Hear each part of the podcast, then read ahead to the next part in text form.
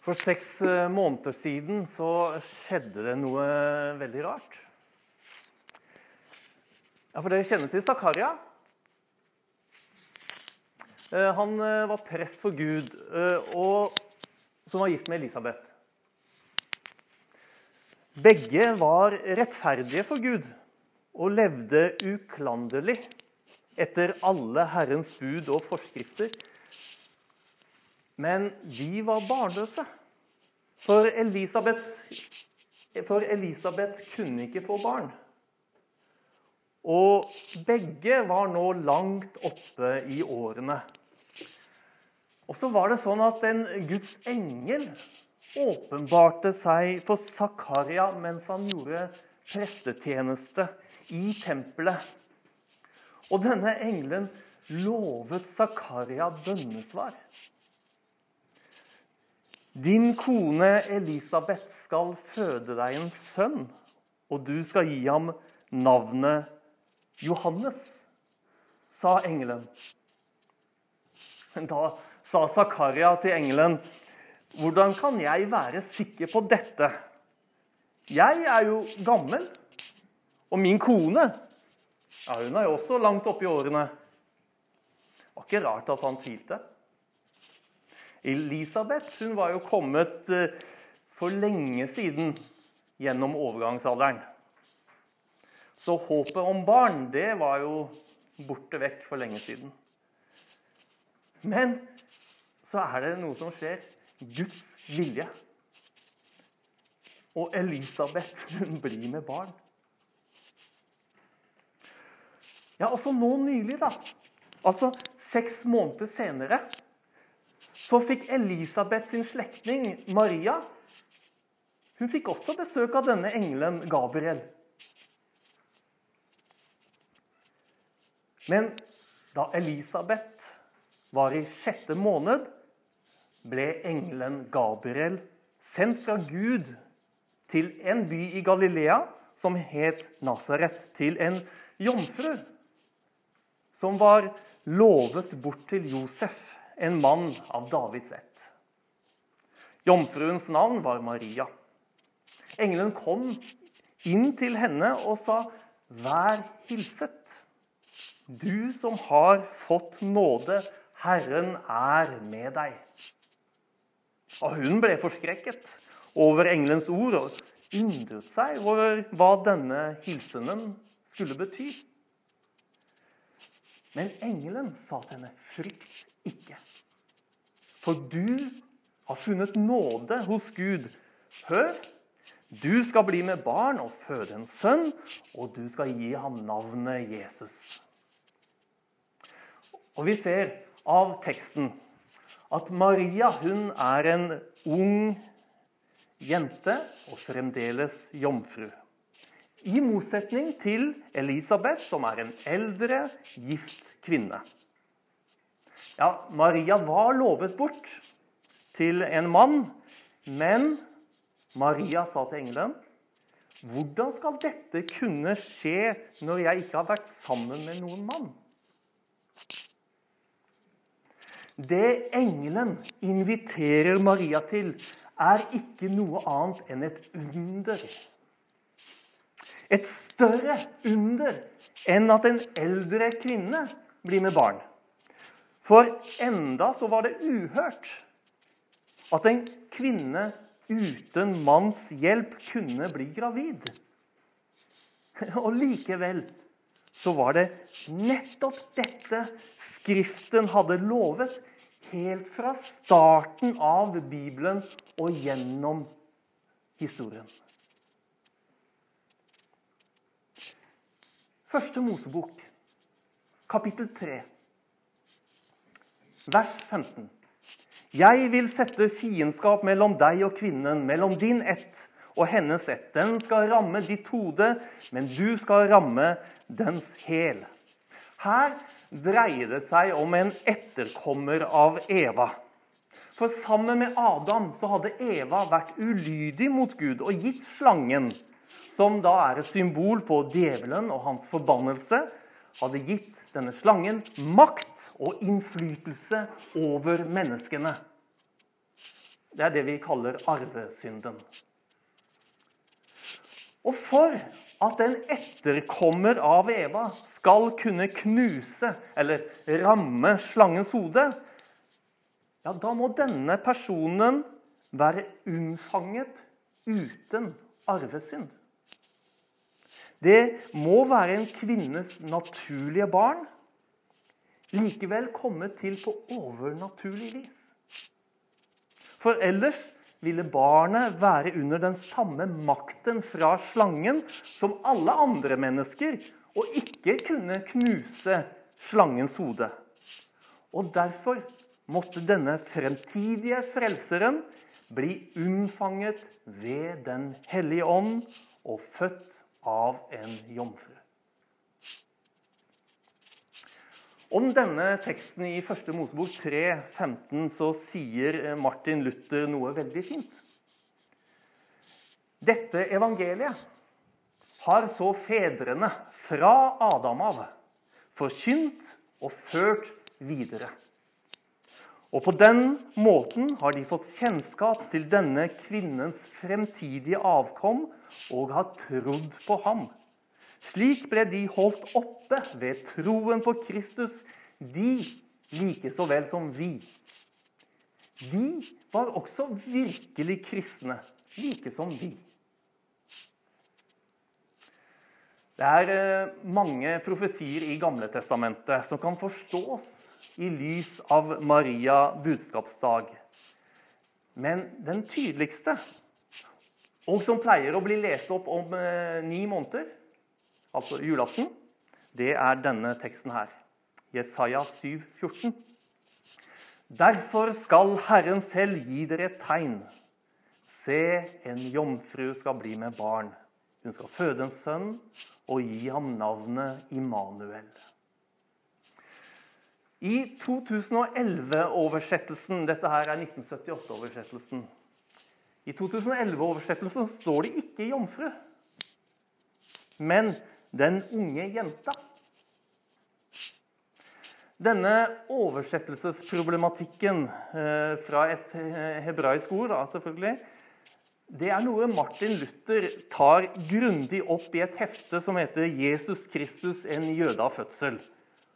Og For å gjøre det veldig kort så viser da Martin til allment, at dette ordet i allment og hebraisk eh, språkbruk, som betyr ung jente, det betyr altså en ung jente uten erfaring med menn. Altså jomfru. Så Derfor så er denne oversettelsen helt legitim. Se, en jomfru skal bli med barn.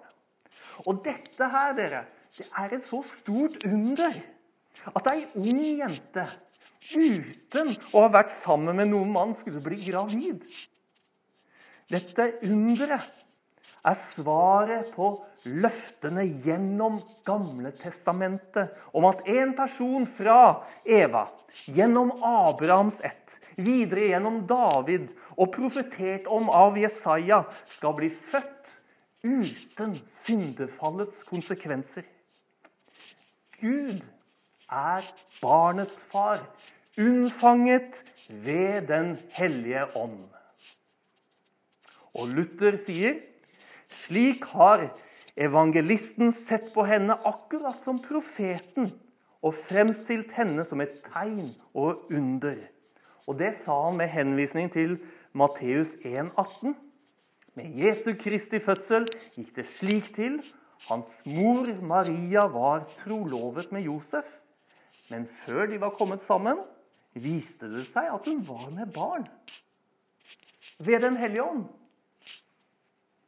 Og det er ikke rart at Maria blir forundret over engelens hilsen. Det er som om, Og dette er så stort og overveldende at det er som om engelen Gabriel skjønner at dette blir litt voldsomt å bære for Maria alene. Så han sier, 'Og hør, din slektning Elisabeth venter en sønn, hun også, på sine gamle dager.' Hun som de sa ikke kunne få barn, er allerede i sjette måned. For ingenting er umulig for Gud. Da sa Maria, se, 'Jeg er Herrens tjenestekvinne. La det skje med meg som du har sagt.'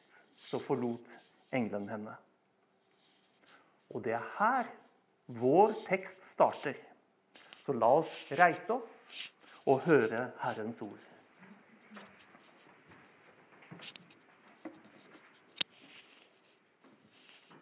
Det står skrevet i Lukas evangeliet, kapittel 1, versene 39 45 i Jesu navn.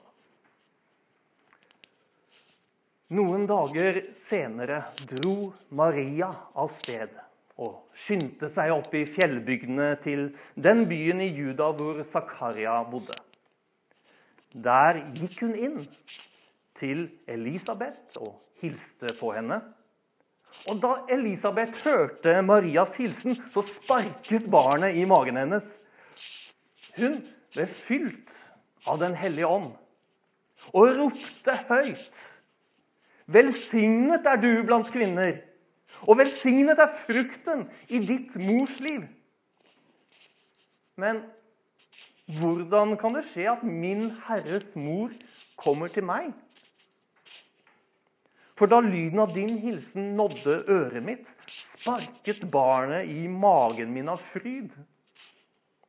Og salig er hun som trodde. For det som Herren har sagt henne, skal gå i oppfyllelse. Slik lyder Guds ord. Vær så god og sitt.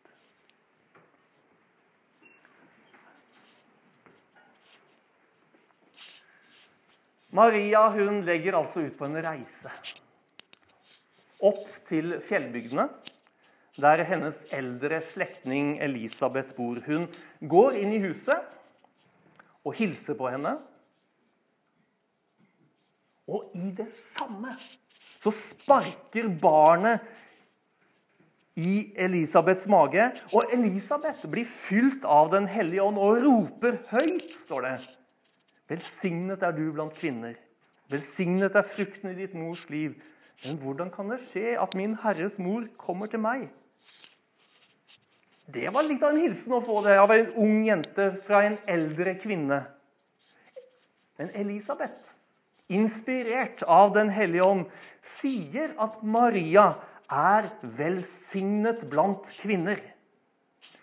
Og før Maria får sagt noe om hvorfor hun kommer, ja, så velsigner Elisabeth også barnet i hennes mage, som nå nylig er unnfanget. Det er bare snakk om få dager. Og det kan umulig ha vært synlig enda. Hvordan kunne hun vite dette?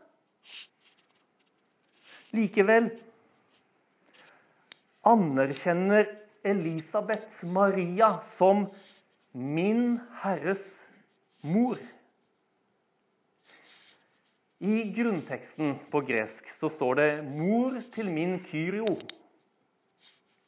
Det er en bøyning av substantivet 'kyrie', som betyr nettopp herre og eller mester. Og Husker dere noen sang som vi synger, gjerne på en gudstjeneste som begynner med 'Kyrie'?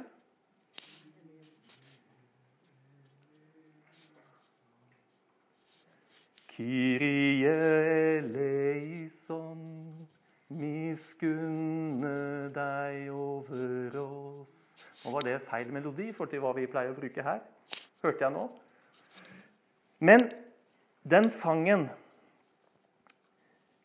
betyr rett og slett Kyrie betyr herre.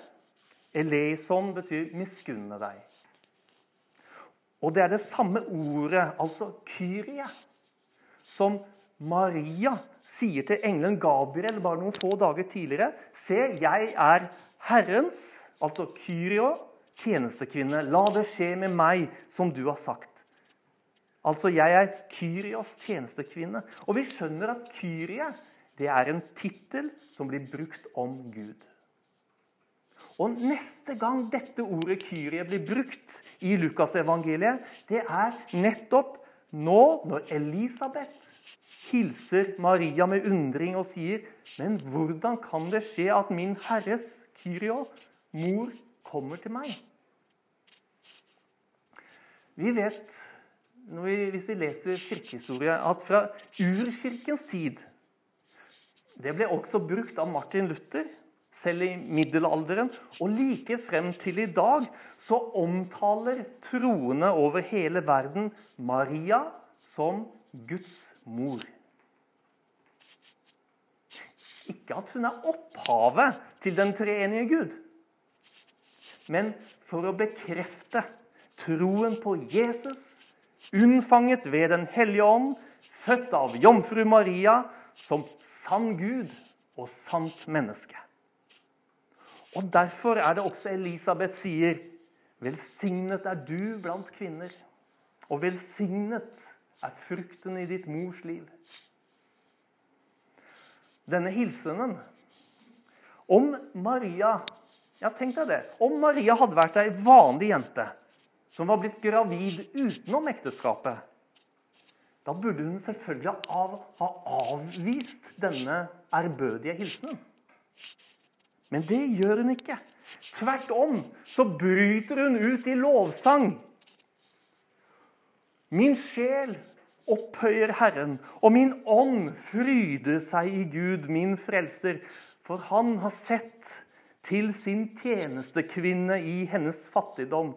Og se, fra nå av skal alle slekter prise meg salig.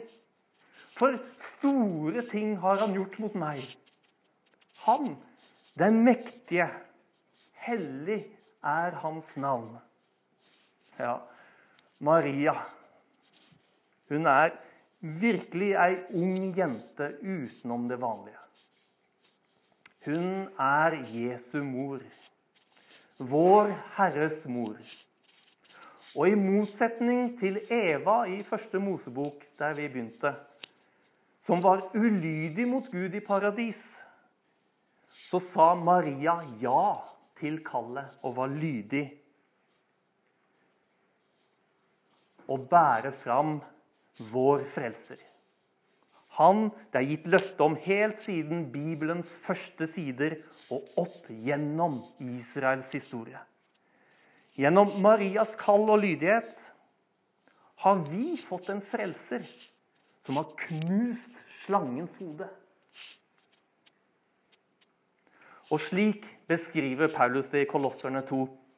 Han kledde maktene og åndskreftene nakne og stilte dem fram til spott og spe da han viste seg som seierherre over dem på korset. Og denne seierherren, unnfanget ved Den hellige ånd, født av jomfru Maria, har vi nå del i når vi tror Når vi i tro tar imot ham gjennom nattværens under. For slik Maria fikk Jesus i magen på denne Maria budskapsdag, så får også vi Jesus i våre kropper ved å spise og drikke hans legeme og blod. Slik som Jesus sa det selv i Johannes 6, 56, Den som spiser min kropp og drikker mitt blod, blir i meg og jeg i ham. Ære være Faderen og Sønnen og Den hellige ånd, som var, er og være skal, en sann Gud fra evighet og til evighet. Amen.